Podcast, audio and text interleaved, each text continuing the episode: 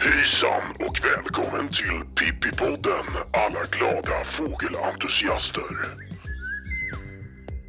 Jag välkomnar till det 29 avsnittet av Pippipodden. Nu är det ganska länge sedan vi hördes av. Det har gått en hel sommar, närmare tre månader sedan vi spelade in det förra programmet.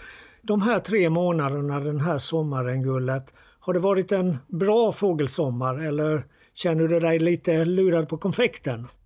Ja, man kan väl säga både och. Men det har ju sett ett och annat i sommar eh, här i hemmamarkerna i Halland. Till exempel sibirisk tundrapipare, ökentrumpetare, saxaulsångare med mera, med mera. Så... Skatgök inte att förglömma. Ja, även om det bara var en person som hade tur att se den.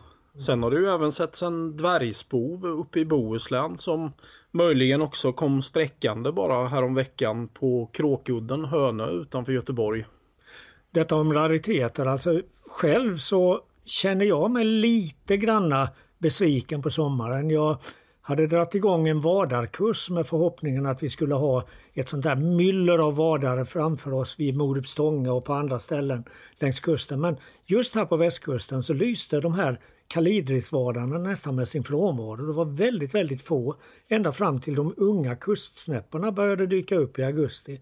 Men då har vi å andra sidan haft desto fler unga kustsnäppor. Jag har aldrig sett så mycket unga kustsnäppor som just nu. Men så ska vi väl också säga att det var väldigt gott om tringavadare här i somras och jag vet inte riktigt varför det blev så här. För på ostkusten var det ju gott om kalidris, alltså småvadare.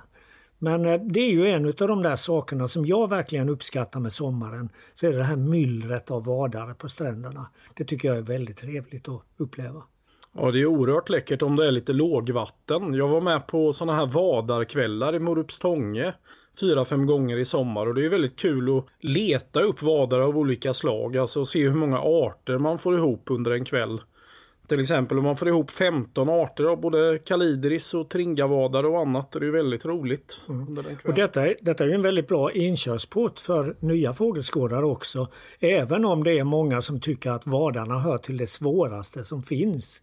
De har ju olika dräkter. En vinterdräkt, en sommardräkt, en ungfågeldräkt och sen herrans massa dräkter däremellan också. Verkligen. Men det man glömmer, som ofta inte står i fågelböckerna, är att man kan titta på hur olika vadararter beter sig, hur de födesöker, hur de springer och hur de går. Har du några roliga exempel på vad man kan titta på när det gäller olika vadarsorter? Ja, alltså man kan säga att kalidrisvadare och beckasiner och i viss mån spovar, de födesöker väldigt mycket med känseln.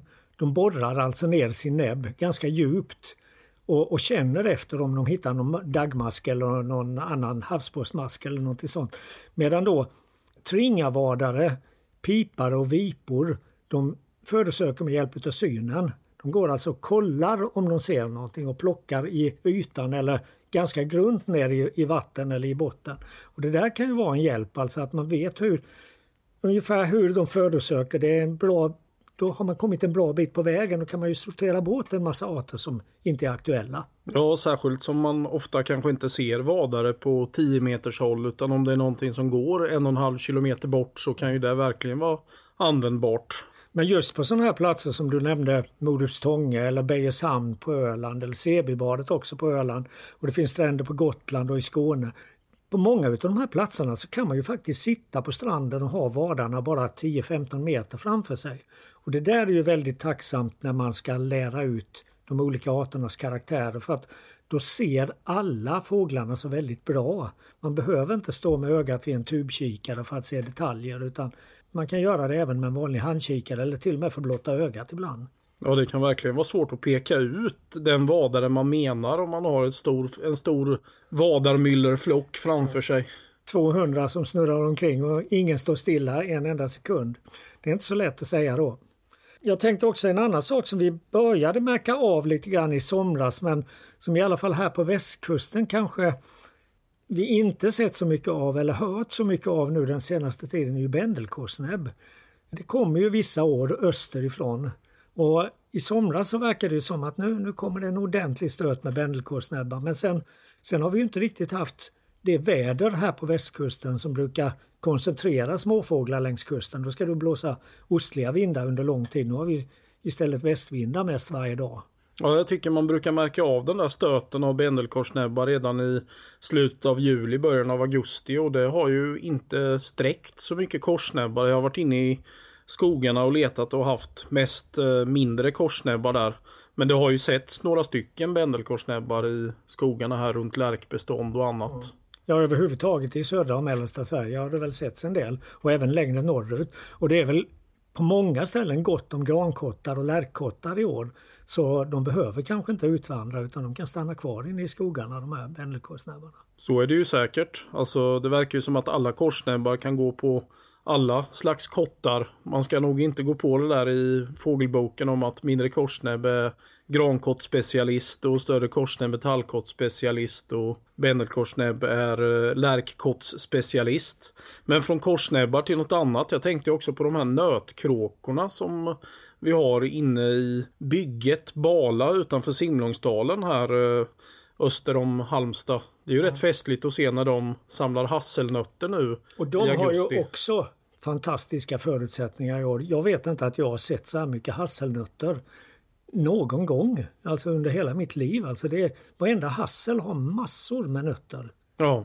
Och det, det, det är ju det som de här nötkråkorna samlar på sig nu under hösten och gömmer på olika ställen. De hamstrar mm. i ett skafferi någonstans där de kan lägga upp flera hundra hasselnötter som de sedan utnyttjar både under vintern och de matar ju även sina ungar nästa vår med, delvis med de här hasselnötterna. Häftigt. Hur ja. många som de har gömt hittar de igen? Vet man något procenttal där eller? Alltså det fanns ju en svensk ornitolog, eller han var ju egentligen tandläkare, P.O. Svanberg uppe i Västergötland.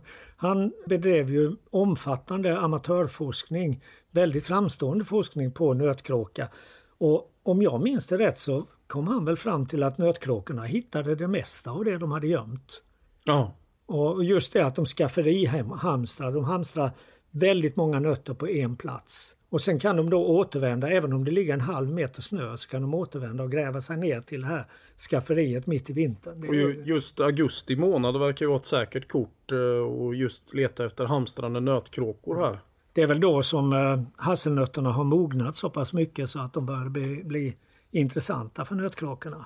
Ja, jag såg det var en kompis nu eh, på Facebook som han hade väl plockat eh, två baljor med hasselnötter hemma. Han får väl börja utfodra nötkråkor då. Ja, precis. Man kan plocka lite och slänga Ja, ut. fastän det är ju så med hasselnötter att eh, de omfattas ju inte av allemansrätten.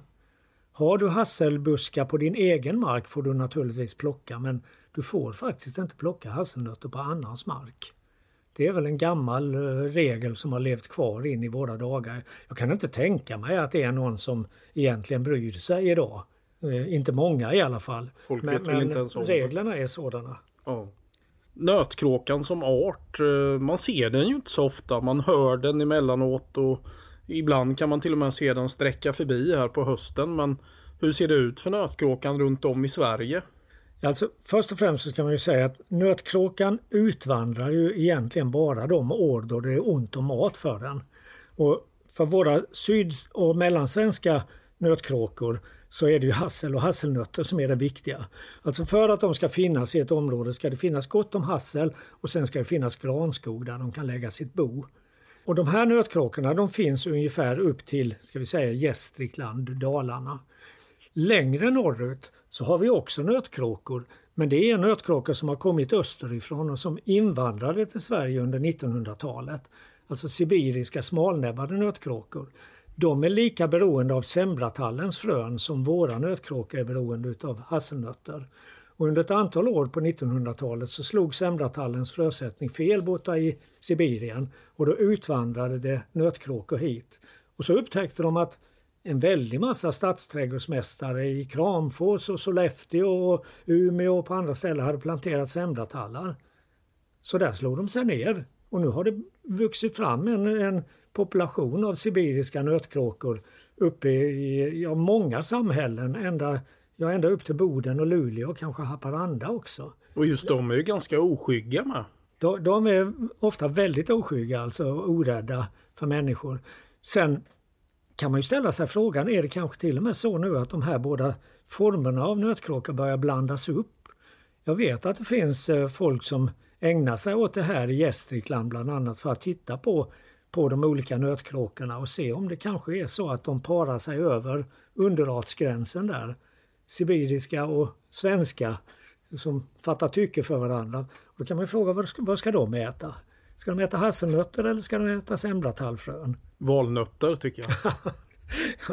det tror jag inte är någonting för en nötkråka egentligen, även om de säkert inte skulle ha några problem med att hacka sönder valnöt. Och då kommer vi os osökt in på råka, från nötkråka till råka när vi pratar valnötter.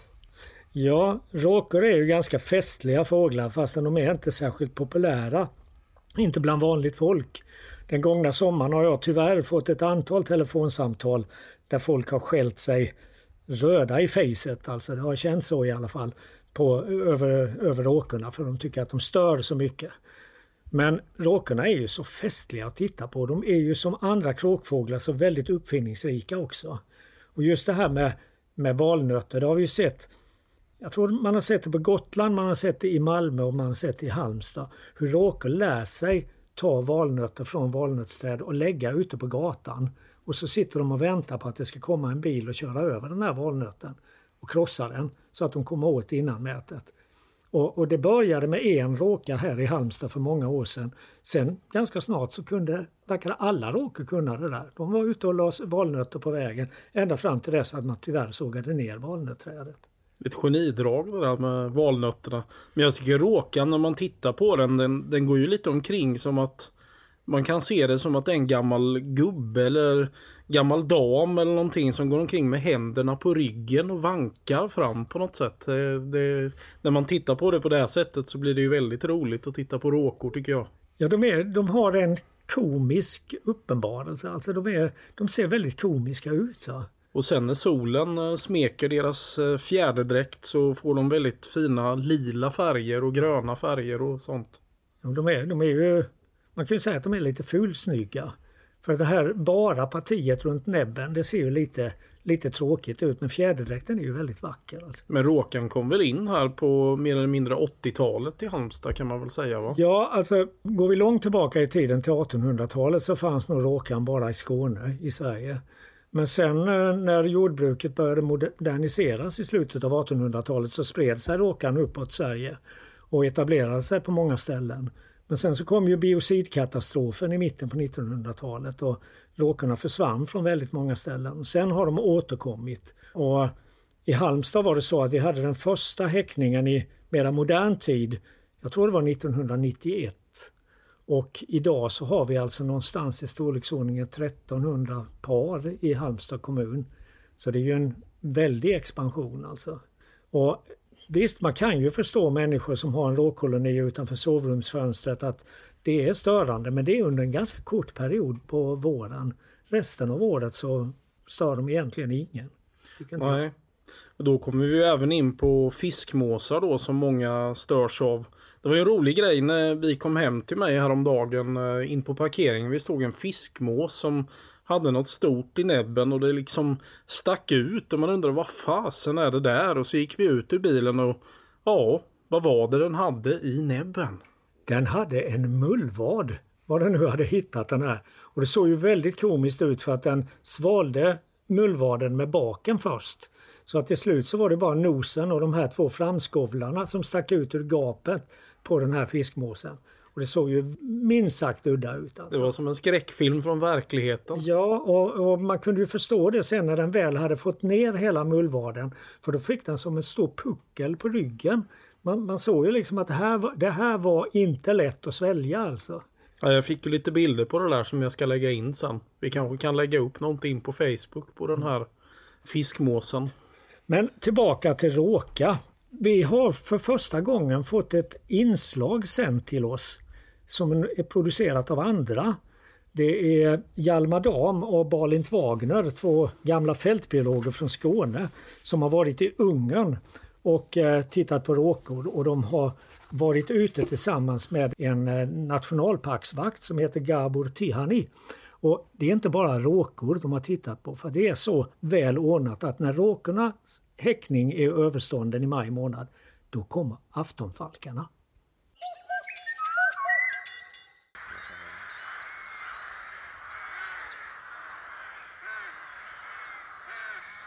Där är aftonfalkarna Badin. Ja. Här är flera stycken eh, hannar och det finns någon enstaka tornfalk också som häckar bland råkorna här ute. Vi det är fort... råkorna som låter så här, det är inte aftonfalkarna. Nej. Aftonfalkarna säger chit, chit, chit, chit, chit, chit,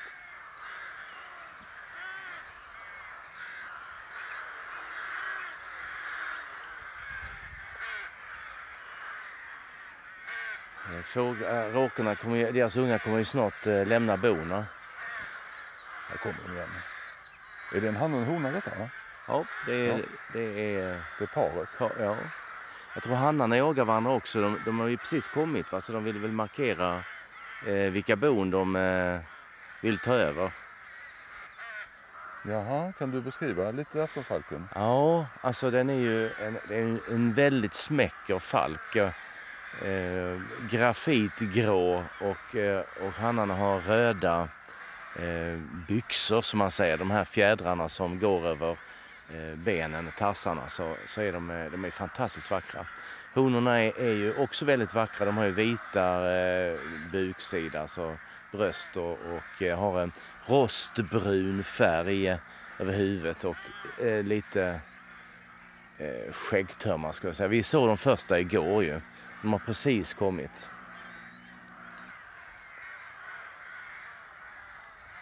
Gábor, hova mennek télre? Ezek a madarak, ezek alapvetően Közép-Afrikába, illetve attól inkább egy kicsit délebre mennek telelni, de ezt sem régóta tudjuk. Angola, Uganda vidékén vannak a téli időszakban, és onnan jönnek vissza. Most egyébként megvannak egy kicsit csúszva, tehát április 30-a van. Most még ugye látjuk, hogy az azonos nemű madarak is űzik itt egymást, még mostanában van a a fészkeknek a kiválasztása, és ezek után fog kezdődni a költés. Tehát az időjárás miatt egy kicsit csúszásban vannak a madarak. Gabor säger det att de här fåglarna har ju eh, bara helt nyligen har man fått klart för sig att de här övervintrar i Centralafrika och man har haft sån här satellitsändare och, och, eh, och har funnit att de eh, övervintrar bland annat i Uganda. Och de är lite försenade i år och de brukar alltså ta över bona efter råkorna Eh, men, eh, och de håller på att markera vilka bon de vill ta över. Ich hánypár van körülbelül a Hortobágyon? Hány pár fészkel? Hát összességében az, úgy a Hortobágyi Nemzeti Parkban, ami hmm. ugye itt a, a jelenti, itt nagyjából egy olyan 100-130 pár körüli állomány szokott összességében összejönni, ez az évektől függően változni szokott. Vannak alapvetően telepesen költők, amelyek ilyen Varjutelepekben költenek, meg vannak solitärpárok is. Okej. Okay. Ja, det är så att ungefär i nationalparken, Horteberg eh, nationalpark, eh, finns det ungefär 130 per år. Det varierar lite grann i de här kolonihäckarna. Det finns enstaka ensamhäckare också, men man har registrerat ungefär 130 stycken. Och just nu bakom oss här kommer ju faktiskt en flock kor. Här är beta, eh, eh, djur som betar i eh, det här landskapet för att hålla nere buskvegetationen och hålla det här öppet. De kommer ju sakteliga strosande här. Det finns säkert någon herde med någonstans i bakgrunden.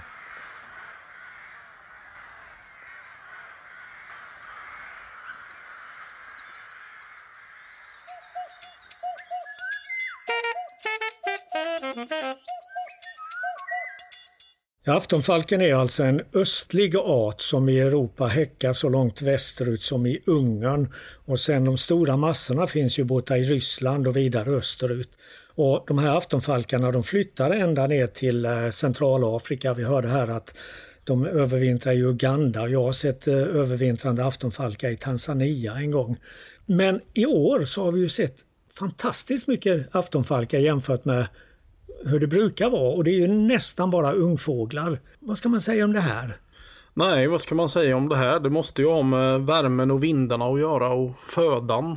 Helt enkelt. Alltså Helt plötsligt kom det ju rapporter eh, från kontinenten nere i Polen om att de hade över 300 aftonfalkar som satt ute vid eh, kustbandet där och var på väg norrut. Och det var även rapporter från Estland och Lettland talas det väl om över tusen sådana här eh, aftonfalkar som har setts. Och ja, som sökte förbi under en dag vid någon kustlokal i ja, Lettland. Ja, och i Sverige har vi haft flockar då. Den största flocken har väl varit på 16 stycken på Store Mosse då i Småland i nationalparken där. Och sen har det väl även varit 15 stycken på Ölands norra udde. Och det är ju en del stationära fåglar kvar. Alltså det här har ju pågått sedan slutet av augusti. Och det finns ju flockar om 4-5 stycken både på Gotland och eh, Skåne och fåglar kvar på Öland och en och annan i Halland med mera ställen i Sverige. Så det är väldigt häftigt och det verkar inte ha hänt sedan 1979, en sån här liknande invasion. Nej. Och det måste ju vara en kanske en kombination av en väldigt lyckad häckningssäsong och väderförhållandena nu när de skulle flytta så att de har liksom förskjutits västerut. De, normalt så ska de ju flytta ner över östra Europa och östra medelhavsområdet och vidare ner mot Afrika men nu har de alltså kommit på en mycket västligare bana. Och det är ju, det är ju festligt för de här fåglarna är ju också ganska så tillgivna. Vi pratade om nötkråkor tidigare, att man, de, de är ganska orädda. Många av de här aftonfalkarna har ju uppträtt som, som om de aldrig har sett en människa tidigare. Ja, de sitter på telefontrådar och i buskar och allt möjligt och jagar sländor uh, jättenära. Så det är väldigt häftiga, söta små falkar. Mm. Och det verkar ju som att det är insekter som de lever på i första hand nu vid den här tiden. Sländor och även våtbitar har jag sett att de har tagit. Mm. Och De kommer ju efterhand sen att dra sig söderut för att övervintra nere i, ja, någonstans i centrala östra Afrika, i savannområden. Men en annan fågel som också har uppträtt väldigt talrikt, en rovfågel det också, det är ju stepphök. Jag vet inte om jag har sett så många stepphökar något år tidigare som jag har sett just i höst. Men nu har jag varit ute och letat efter stepphökar. Och, och, och det, det är också en fascinerande sak för att det här är ju någonting som har förändrats under senare år. Går vi en 20-30 år tillbaka i tiden så var ju stepphöken en första klassens raritet i Sverige. Men det är den ju inte nu. Man ser på vårarna ganska mycket stepphökar i östra Sverige och uppe i, i Västerbotten och Norrbotten och nu på höstarna så verkar vi ha en sydvästlig tyngdpunkt. Det är ju Halland och Skåne där det ses allra flest stepphökar. Ja, det verkar ju som att populationen har förskjutits västerut. Att det finns häckande fåglar i både Finland och Norge och förmodligen Sverige med. Och sen har det väl även häckat stepphök längre söderut, alltså i Sydeuropa, nere i Spanien till exempel. Det har varit enstaka häckningar i Holland och i Spanien bland annat. Men, men det har ju spekulerats i om det kanske var så att Sovjetunionens sammanbrott ledde till att många gamla stora kolchoser lades för fäfot och började växa igen och att fåglarna då fick en chans att sprida sig till nya områden, att det skulle då haft betydelse för stepphöken och för kornknallen och några andra. Det där vet vi ju ingenting om egentligen men det är ju utan tvekan så att stepphöken har förskjutit sitt täckningsområde västerut och blivit en regelbunden förbiflyttare här och det är ju, det är ju häftigt för det är ju en väldigt, väldigt vacker fågel. Ja. Jag, jag har bara sett ungfåglar men du hade ju möjligheten att se en gammal hanne. Ja, jag körde hem från jobbet eh, bara för några dagar sedan och då kom det ju en eh, gammal stepphögshanne och flög förbi bilen och satte sig på ett fält och så tänkte man den tar väl en flygtur nu och flyger runt lite och käkar men det tog ju en timme innan den lyfte igen. Jag försökte ju filma den lite med mobilen och fick ihop ett rätt så trevligt litet klipp. Det är så kul det här med hur många fåglar ska helt enkelt skita innan de flyger iväg. Så då såg man helt plötsligt den här stepphöken rätta till fjäderdräkten lite så sket den lite och då visste man att nu flyger den. Så då kunde man vara beredd med kameran. Och den satt ju där nästan som ett vitt spöke med de här svarta kilarna. På, ja, längst ut på vingpennorna där i handpennorna. Nej, det var väldigt häftig syn. Ja, när man ser en stepphögshanne så är det ju nästan som att se något av ett spöke. Det är en lite osannolik fågel. Den är så slank och så vit och den rör sig på ett sånt speciellt sätt. Ja, de har ju verkligen haft ett bra år i Falsterbo med. Bara nu i helgen så sträckte det ut 12 stepphökar under en morgon. Det är ju ingen, en syn man knappt hade kunnat drömma om bara för eh, 15 år sedan skulle jag säga under Falsterbo Bird Show där som var i skiftet augusti-september. Då kom det väl sex stycken aftonfalkar en dag och då hade väl ni en väldigt häftig obs där. Ja, det var en som kom precis framför oss när vi stod vid fyran. Och sen hade jag den stora glädjen att eh, sitta i det här tältet, den här så kallade liveskådningen. Vi har ju en kille som står uppe på taket och filmar fåglarna som flyger förbi och så visas det på en skärm i ett tält nedanför. Och eh, när jag satt där som guide i det här tältet så kom det en aftonfalk. Men han, Terje som han heter den här filmaren, han fick väl en sekvens på tre sekunder. Men eh, vår tekniker klippte ihop fem, fem stycken sekvenser så vi fick se den lite längre då. Även om det var liksom samma runda den flög hela tiden då. Så det, men det var, det var ju väldigt festligt och det var väldigt, väldigt uppskattat. Men då dök det upp en sak, en fråga. När man sitter så och tittar på en tv-skärm, det är ju en livesändning från taket ovanför. Skulle man få kryssa en ny fågel då? Ja, det är ju en, eh, alltså i och med att det är direktsänt så kan man väl tycka att det är helt okej. Okay jag, tror, jag tror inte att alla skulle hålla med dig om Nej. det. Å andra sidan, jag har ju förlorat väldigt mycket av min hörsel. Och för att jag ska kunna höra sångfåglar på våren så måste jag ha en ganska avancerad hörapparat. Och eh, det är ju samma sak egentligen. Ja, jag tycker väl att man kan... Får jag kryssa det jag hör? Om jag hör en dvärgsumphörna som sitter och spelar i min lilla trädgårdsdamm. Jag får, jag, man... får jag ett tomtkryss då? Ja, man kan väl tänka lite utanför boxen där, men det är väl en känslig fråga. Det var faktiskt så i somras eh, när jag jobbade på Naturum Jätterön. Då vände jag mig om. Då har vi en sån här stor skärm bakom Naturumdisken. Och så har vi en kamera som filmar ut över reservatet. Och så ser jag ju då hur en skedstork står på en av öarna liksom. Hade jag fått kryssa den bara på skärmen om, om jag hade sett, bara sett den där och sen inte sett den ute i verkligheten? Det är frågan. Vi får väl skicka ut den här frågan till våra lyssnare och se om vi får några kommentarer.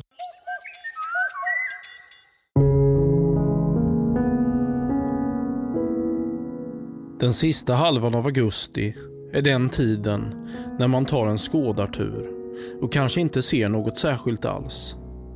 När solen tränger igenom de regntunga molnen känns den som en blåslampa.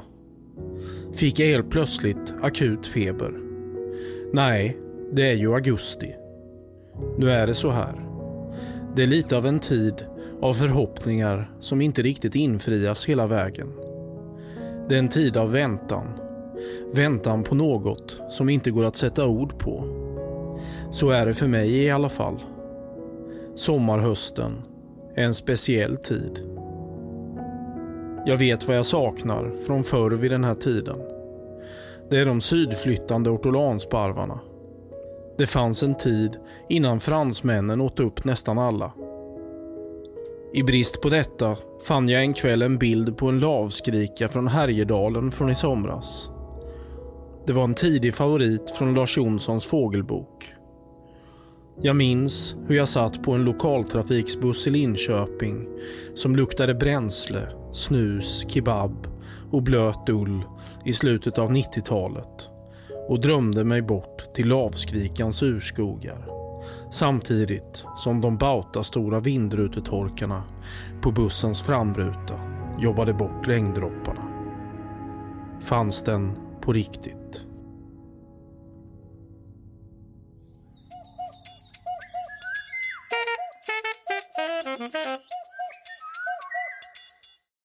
Ja, vi har varit inne och tangerat det här känsliga ämnet och nu måste vi helt enkelt ta upp det faktum att det i år skjutits en nilgås på Jätterön i Halland och enligt uppgift ytterligare en i nordvästra Skåne.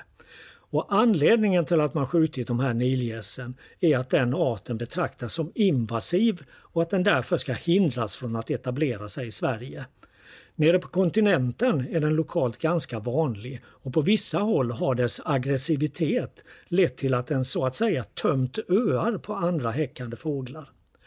Jag står nu här tillsammans med en person som har bett om att få vara anonym, men vi kan kalla honom Falkenbergaren. Och visst var det du som slog larm om den här nilgåsen, något som senare ledde till att den blev skjuten? Ja, ja, det var jag. Det är en sån fruktansvärt avskyvärd fågel. Den kör ju bort alla andra fåglar. Men hade du verkligen inga betänkligheter? Det handlar ju trots allt om en levande varelse. Menar du Veronica Maggios låt Tillfälligheter? Ja, den är bra. Jag brukar lyssna på den på radion varje dag. Men hon har inte skrivit något om Niljes än vad jag vet. Ja, jag tycker ju inte att du svarar på min fråga men enligt ditt sätt att se på saken så kan inte nåd gå före rätt. Det är snarare tvärtom att rätten inte har någon nåd. Det var som fausgubben sa. Ät upp maten annars får du inte gå ut och titta på kärrhokarna. Så det var bara att momsa korngröt hela dagarna. Jag tycker så mycket om fåglar förstår du. Men oj oj oj vad det bullrar ute i hallen nu. Vem är det som för sånt oväsen? Nej men Se, det är ju vår gamle vän Mats Mackan Holmberg från Stockholm, en av landets mest hängivna kryssare. Men varför är du så förbaskat upprörd Mackan? När jag sätter ett kryss gör jag det med bläckpenna. För jag förväntar mig att det ska bli en ny art för mig. För alltid.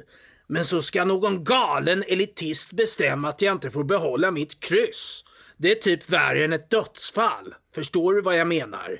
Ja, jag vet inte det, men menar du att värdet av ett kryss går före allt annat? Till exempel att hellre kryssa en nilgås än att se en koloni skärfläckeungar växa upp? Där satte du spiken i kistan. Jag älskar kryss. Min favoritbokstav är X.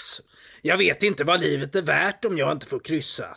Ibland åker jag på Finlandskryssning om det inte finns några kryss att hämta i fågelvärlden. Då får jag i alla fall kryssa runt i panoramabaren. Ja, du fattar. Ja, jag vet inte det, men det är kanske läge att försöka ta ett lite större grepp på den här problematiken. Alla gamla kryssare har ju redan nilgåsen inhängd och klar. Men för nya kryssare kan det ju bli riktigt svårt om alla nilgäss ska skjutas så snart de dyker upp. Det känns inte riktigt rättvist det där tycker jag. Och nu råkar det vara så att vi även har med oss juridikprofessorn Benny Fällbord här. Han är expert på civilrätt. Hur ser du Benny på det här dilemmat? Det vill säga att enskilda fågelskådare förnekas möjligheten till ett kryss för att man vill skydda andra fåglar. Ja, det kan uppstå komplikationer i de olika leden så att säga. Men det man då kan göra är att sätta sig ner och diskutera lösningar på problemen. En lösning kan ju vara att börja diskutera problemen med det hela. Ja, nu tycker jag att du låter alldeles för akademisk. Den här konflikten kan ju leda väldigt långt. Kan den till och med leda så långt så att den till slut blir ett fall för EUs domstol? I Tyskland och Nederländerna har ju man ju lagt sig platt för nilgåsen. Det är ju något man får fundera på. EU-domstolen är allvarliga grejer. Jag känner att vi får tänka till kring det. Vi får helt enkelt sätta oss ner och diskutera fram en lösning. Vi kanske skulle sätta oss ner till bords och äta en ungstekt nilgås så får smaken avgöra nilgåsens vidare öden. Kanske kan den bli en delikatess i matbutikerna i framtiden. Ja, det är väl bara att konstatera att som reporter så stångar man ibland sin panna blodig. Det är inte lätt att få ett vettigt svar på den här delikata frågan. Men vi lär säkert återkomma till den framöver. Nu börjar jag med marinaden.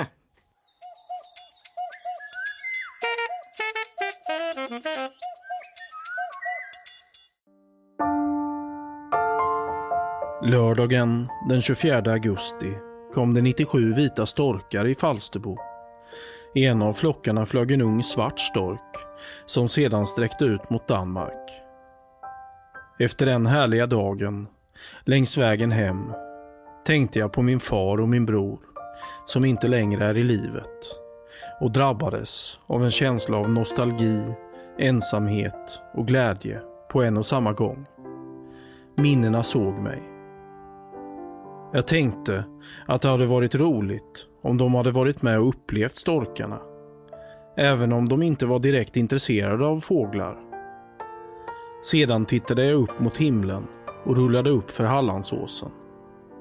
På andra sidan låg Halland där man med lite tur under en och samma dag kan se mindre lira, taigasångare och tjäder. Då visste jag att allt skulle bli bra igen och ett leende uppenbarade sig på mitt anlete.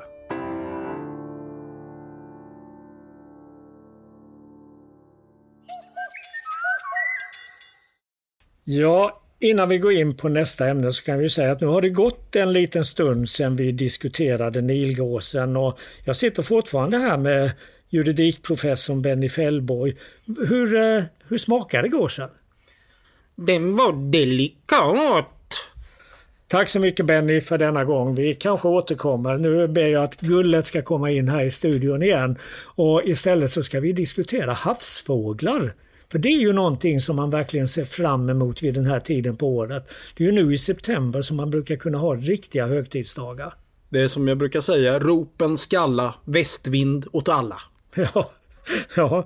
fast eh, när det gäller vind och, och, hav så har vi ju också hört om förödelse på senare tid. Den här orkanen Dorian som har ställt till det på Bahamas.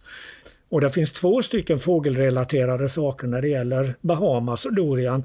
Det ena är att man upptäckte via en boj där det satt en kamera att i orkanens öga så var det en enorm ansamling utav havsfåglar. Där inne blåser det ju inte, eller det blåser väldigt lite i alla fall och det verkade fåglarna söka sig till, till det här lugna området. Det andra är ju mycket mer negativt. Det finns en liten nötvecka på Bahamas som ibland betraktas som egen art, ibland som en underart av en eh, sydöstamerikansk art som heter brunhuvad nötvecka. Vi kan kalla den för Bahamanötvecka. För några år sedan så var man rätt säkra på att den var utdöd. Att den hade strukit med efter en annan orkan. Men sen hittade man den igen. Men nu verkar det som att nu, nu är det nog kört för den för att just de områdena där den finns har drabbats väldigt hårt av orkanen. Frågan är om det kan få efterdyningar, alltså de här eh, orkanbyarna på Bahamas, att det kan komma över grejer på Ja, alltså Dorian har ju vandrat vidare över Atlanten och lär nu i mitten på september befinna sig någonstans ända upp mot Ishavet. Men sen är det ju nya lågtryck på gång som ska passera in över oss de närmaste dagarna.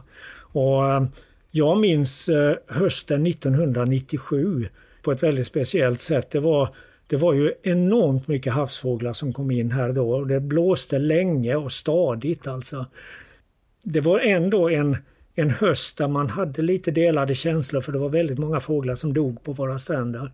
De var utmattade och, och utmärglade helt enkelt. Men vi såg ju också havsfåglar på ett sätt som vi inte har gjort varken förr eller senare.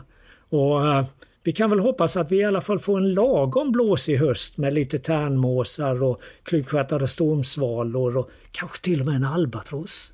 Ja, på tal om det så, så har det ju faktiskt eh, möjligen setts en albatross idag på Kullahalvön som kanske eventuellt till och med sågs i Danmark men den bestämdes väl aldrig helt säkert till en albatross om jag förstod det rätt. Och idag det är torsdagen den 12 september när vi spelar in det här avsnittet av Pippi-podden. Du har ju haft eh, förmånen att se albatross från svensk kust. Ja. Det har jag också i och för sig gjort men på väldigt långt håll. Du såg väl den mycket bättre? Ja, det var i Ramsjöstrand eh, utanför eh, Torekov som det flög en albatross för två år sedan i oktober. Så det var väldigt häftiga obsar i vinden där. Den flög på stela vingar hela tiden och tog i, egentligen inte ett enda vingslag. Den bara flög runt i stormen där trots att det regnade. Det är nog en av de häftigaste fågelupplevelser jag haft. Alltså det är ju helt makalöst att se albatrosser flyga över havet. Och det är ju någonting som eh, sjöfarare i alla tider också har tyckt. Jag kommer ihåg för ganska många år sedan så var vi i Sveriges ornitologiska förening, eller BirdLife Sverige som det heter nu. Vi var inbjudna att medverka när Volvo Ocean Race gick i mål i Göteborg. Mm. Vi blev väldigt styvmoderligt behandlade av tävlingsledningen. Däremot inte av seglarna. När de här besättningarna kom i land så frågade de allihop var Albin var någonstans. Och Albin det var en dräkt, en albatrossdräkt som jag och Maria Olsson sprang omkring med på kajen där. Mm. Och jag träffade eh, kaptenen på en av båtarna, den, den som vann den här sista sträckan. Och han sa det att det finns ingenting som kan betyda så mycket när man efter en lång dag ute på havet helt ensam inte har sett någonting annat än de andra besättningsmännen och så kommer det en albatross. det, då, då känns det, sa han. Då, ja. då lever man. Drömresan är ju att åka ner till Nya Zeeland eller kanske rent av Sydgeorgien och titta på albatrossen någon gång i livet. Det borde man försöka göra i alla fall. Vi får väl försöka med lite crowdfunding här.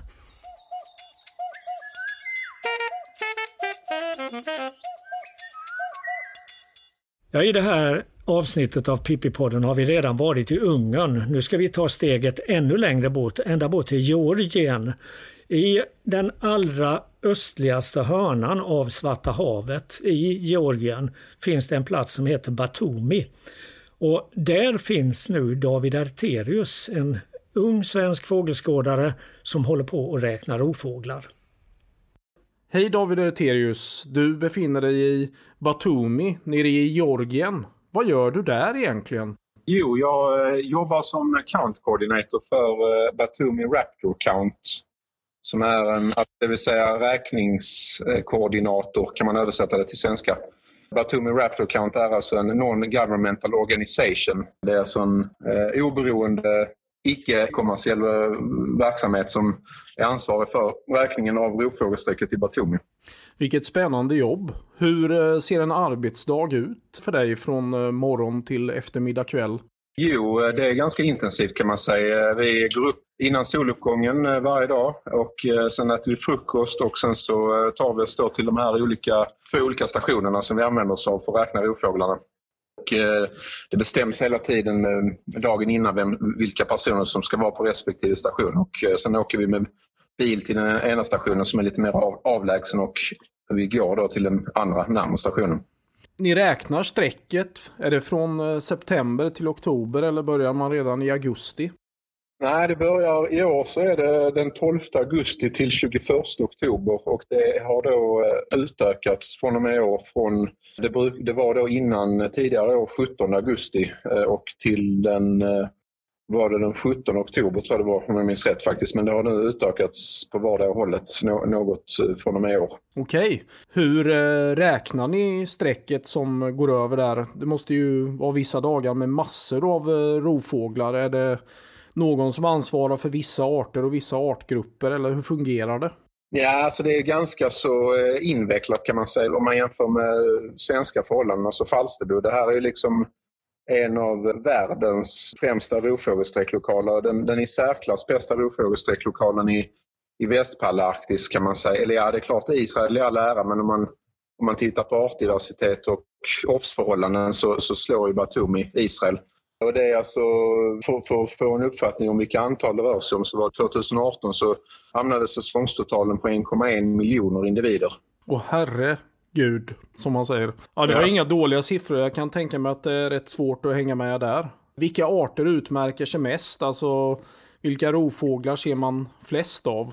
Ja, alltså nu i år då för att få en uppfattning om, eller för, eh, om vad vi har räknat hittills så är det ju då eh, till och med idag då så har vi räknat 676 619 individer och varav då eh, de eh, nyckelarterna då eh, 505 000 livråkar, 4 600 och som Lupulpinus, alltså. 138 000 bruna glador, 3 600 dvärgörnar, 4 400 bruna kärrhökar, 147 mindre skrikörnar, 2 400 ängshökar och 132 stepphökar. Åh oh, herregud, ja det är lite att hålla koll på kan man säga. Det är lite annat än svenska mått mätt. Vi körde ju tomt-SM idag i Långa Sand utanför Falkenberg och hade två stepphökar och någon bivråk och lite ormvråkar. Så det, det är som att det är på en annan planet nästan.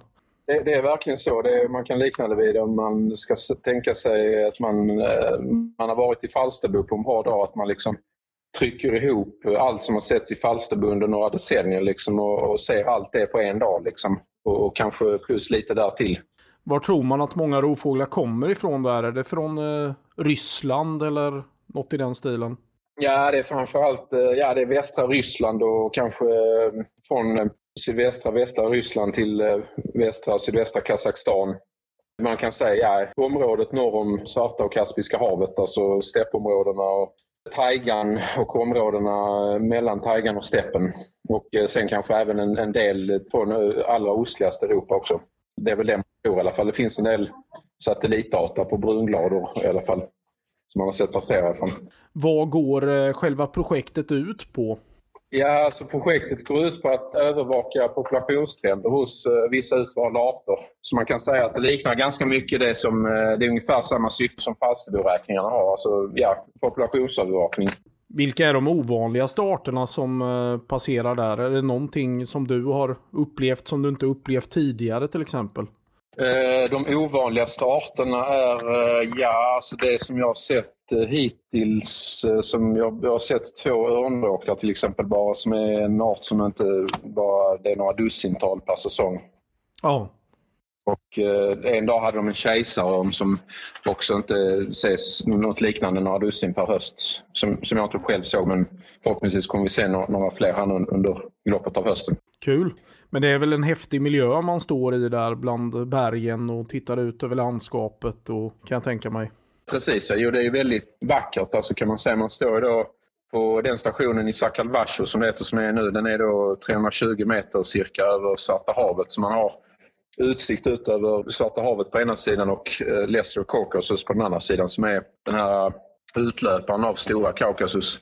Och sen vid den, vid den andra stationen som är fyra kilometer upp då i en transektlinje från där vi är så eh, är man ytterligare lite högre, typ 80 meter upp, så där är man runt 400 meter upp. Och dessutom då alldeles intill en, en nationalpark som ligger innanför en stor omfattande skog med massa hackspettar och annat. Så det är väldigt vackert verkligen. Kul. Vad, hur många är det som arbetar i eh, själva projektet för tillfället? Räknar rovfåglar.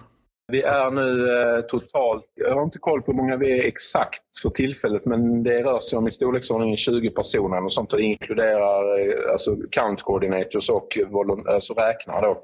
Det, det, betyder att vi är, för, till, för närvarande så är vi då fyra stycken count coordinators som fördelar arbetsuppgifterna bland alla som räknar. Så man är ett team på respektive station som då delar upp arbetsuppgifterna mellan, alltså eftersom det helt enkelt är sådana det blir så överväldigande när, när alla de här rovfåglarna täcker himlavalvet så man måste liksom helt enkelt hela tiden fördela arbetsuppgifter. Liksom, olika strömmar förflyttar sig och man måste hela tiden vara med och veta vem som räknar vad och när. Liksom.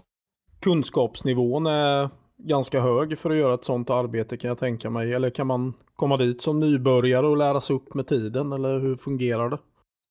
Alltså det, normal, den normala proceduren, eller det normalt är ju att eh, någon eh, som man har varit här innan som countkoordinator då jobbat som räknare men eh, jag, jag ansökte om det här tidigare år och ja, nämnde mina tidigare erfarenheter från Falsterbosträcket och sådär och en del andra ställen. Och, ja, så slutade det med att jag fick det här då liksom som, det är ju ett volontärjobb fortfarande men även för mig som countkoordinator. Men det är ju ändå, även om det inte är något avlönat jobb så är det ändå ett, alltså, skulle jag säga, som ett riktigt jobb liksom, med, med tanke på vad man gör. Och det är liksom väldigt krävande och väldigt kräver ju liksom eh, ganska så specifika kunskaper liksom, om olika saker. Har jobbet varit eh, över eller under din förväntan så att säga, sen du kom dit? Mm, ja, det har väl varit eh, mest kanske som eh, över förväntan skulle jag säga ändå. Alltså, jag hade nog ändå tänkt att det skulle vara mer kanske så här krävande men, men i vissa situationer är det ganska så jobbigt ändå får man säga så att man känner att ja, man får liksom på något sätt försöka inte man får göra så gott man kan men man får liksom inte bli, man måste också acceptera att man liksom inte kan räkna allt. Man kan ju inte gå in i det för att liksom, med målsättningen att man liksom, man missar hela tiden fåglar. Liksom det, så är det i Falsterbo också. Så är det ju alltid ja. Men, men här är det liksom olika det som gör det speciellt här är att det är oerhörda mängder och det är liksom fåglar som försvinner i moln och det är liksom massa saker som händer på olika ställen samtidigt. Och man måste, det är tålamodskrävande och man måste vara stresstålig och kunna fördela arbetsuppgifter mellan olika folk hela tiden och se till så att folk gör olika saker och liksom hela tiden flytta fokus från ett ställe till ett annat. Liksom. Du är lite som en flygledare på en flygplats fast du är fågelskådare istället nästan. Lite så kan man nog faktiskt se det, ja. även om eh, såklart en, en flygledare på en flygplats är ändå många gånger mer krävande. Men faktiskt det är lite så jag tänkt själv. Eh, man kan också kanske likna lite vid en dirigent framför en orkester. Ja, kul. Sen tänkte jag på en annan grej också. Man har ju hört talas om en hel del jakt i Batumi där i Georgien. Har den minskat nu med tiden sedan den uppmärksammades? Är den tillåten eller är den illegal så att säga där nere? Nej, alltså det är helt och hållet uh, illegalt är det. Men eh, däremot så kan man ju säga att de gör ju inte så mycket åt det. Va? Alltså, som till exempel nu, alltså jakten uppe här i, vid de här olika vid, kullarna där vi räknar bergen, va? Så där, där det då sitter, lokalbefolkningen sitter på strategiska poster uppe på, högt uppe, va? alltså dagarna det är låg molnighet och, och rovfåglarna kommer lågt, alltså, så hör man en massa skott och vi räknar även de här skotten hålla, hålla koll på hur, hur mycket som det skjuts varje dag. Den, den, den eh, aktiviteten har, har ju minskat något just i det här området, alltså områdena runt själva räkningsstationerna sen man startade räkna här 2008. Men troligtvis så, så är det ingen reell minskning utan det är snarare så att de har flyttat till andra ställen i takt med att det blir mer och mer fågelskådar som dyker upp här. Men vad är det man skjuter? Är det en del rovfåglar eller är det mest vaktlar eller liknande som skjuts? Nej, här, uppe i, här är det rovfåglar, så just här uppe i bergen och kullarna, alltså innanför kusten, som eh, man skjuter rovfåglar. Som jag har förstått är det en kombination av nöjesjakt och, men, men, men även att man äter en del. Alltså det är framförallt bivråk då man äter. Ja, men eh, har du testat att smaka bivråk, höll jag på att säga? Nej. Nej, det har jag faktiskt inte. Det har jag inte gjort. Jag, eh, och, och, om jag skulle bli bjuden på det så skulle jag ju nog inte tacka nej, men det hade nog mest varit för att man hade blivit tvungen att vara artig. ja, jag fick ju lite sträcksiffror från dig idag, lördagen den 14 september, då det räknades från 06.47 till 17.37.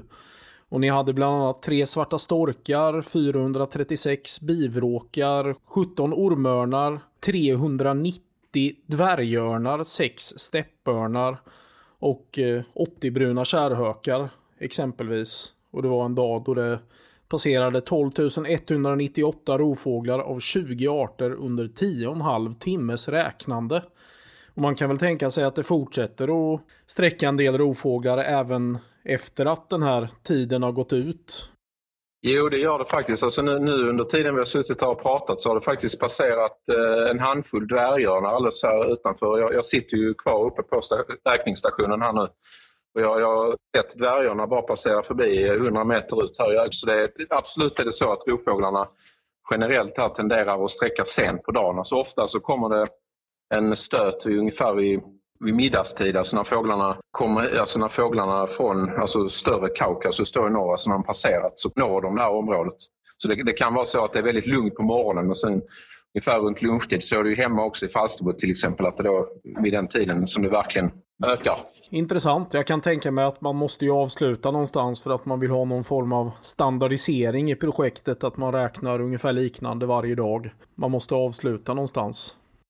Ja precis. Jo, det är ju noga uträknat sen som sagt projektet startade 2008 och de har liksom hållit på att experimentera och testat olika ställen och ett tag så satt de till och med på en tredje räkningsstation som de sen kom fram till att det inte var lönt längre. Så de här två ställena som vi sitter på är väldigt strategiska och man, vi täcker in det som passerar väldigt bra men sen bygger det då på att vi har radiokommunikation hela tiden mellan oss så att vi, vi vet vem som räknar vad och när. Station 2, uh, I didn't get your last message. Could you please repeat? Station 1, uh, we have a new stream incoming in our west tube. Uh, you should probably be able to find these birds in front of uh, Bunny Mountain. Copy that. I see them. We start counting and doing species. Thanks. Good luck. It is a stream that will continue for quite a while. Thanks. We'll enjoy it, I'm pretty sure. Ja, det var väldigt roligt att prata med dig David Eterius. Lycka till eh, under din fortsatta session nere i Georgien.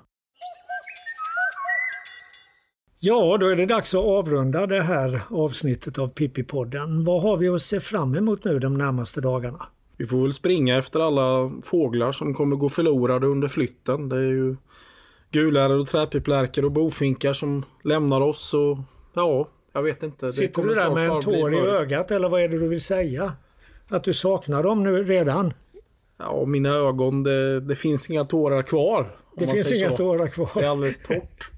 Nej då, det är väl ingen fara så, men det ska bli kul att följa höststräcket nu framöver. Vi har ju ett stort streck av ormvråkar som väntar bland annat. Och sen har vi ett litet jippo här på västkusten nu om eh, en tid, en helg mot slutet av september. Den 22 september kommer vi vara på evenemanget Folk och Fåglar på Naturum Jätterön och ska väl förhoppningsvis få ihop något slags quiz till dess. Så vill ni vara med och tävla lite om fåglar? Vi kommer ha två avdelningar. En för mera aktiva fågelskådare och en för så att säga vanligt folk, sådana som inte är aktiva fågelskådare. Så är ni välkomna till Jätterön söndagen den 22 september. Det kommer bli en dag att minnas innan den ens har hänt.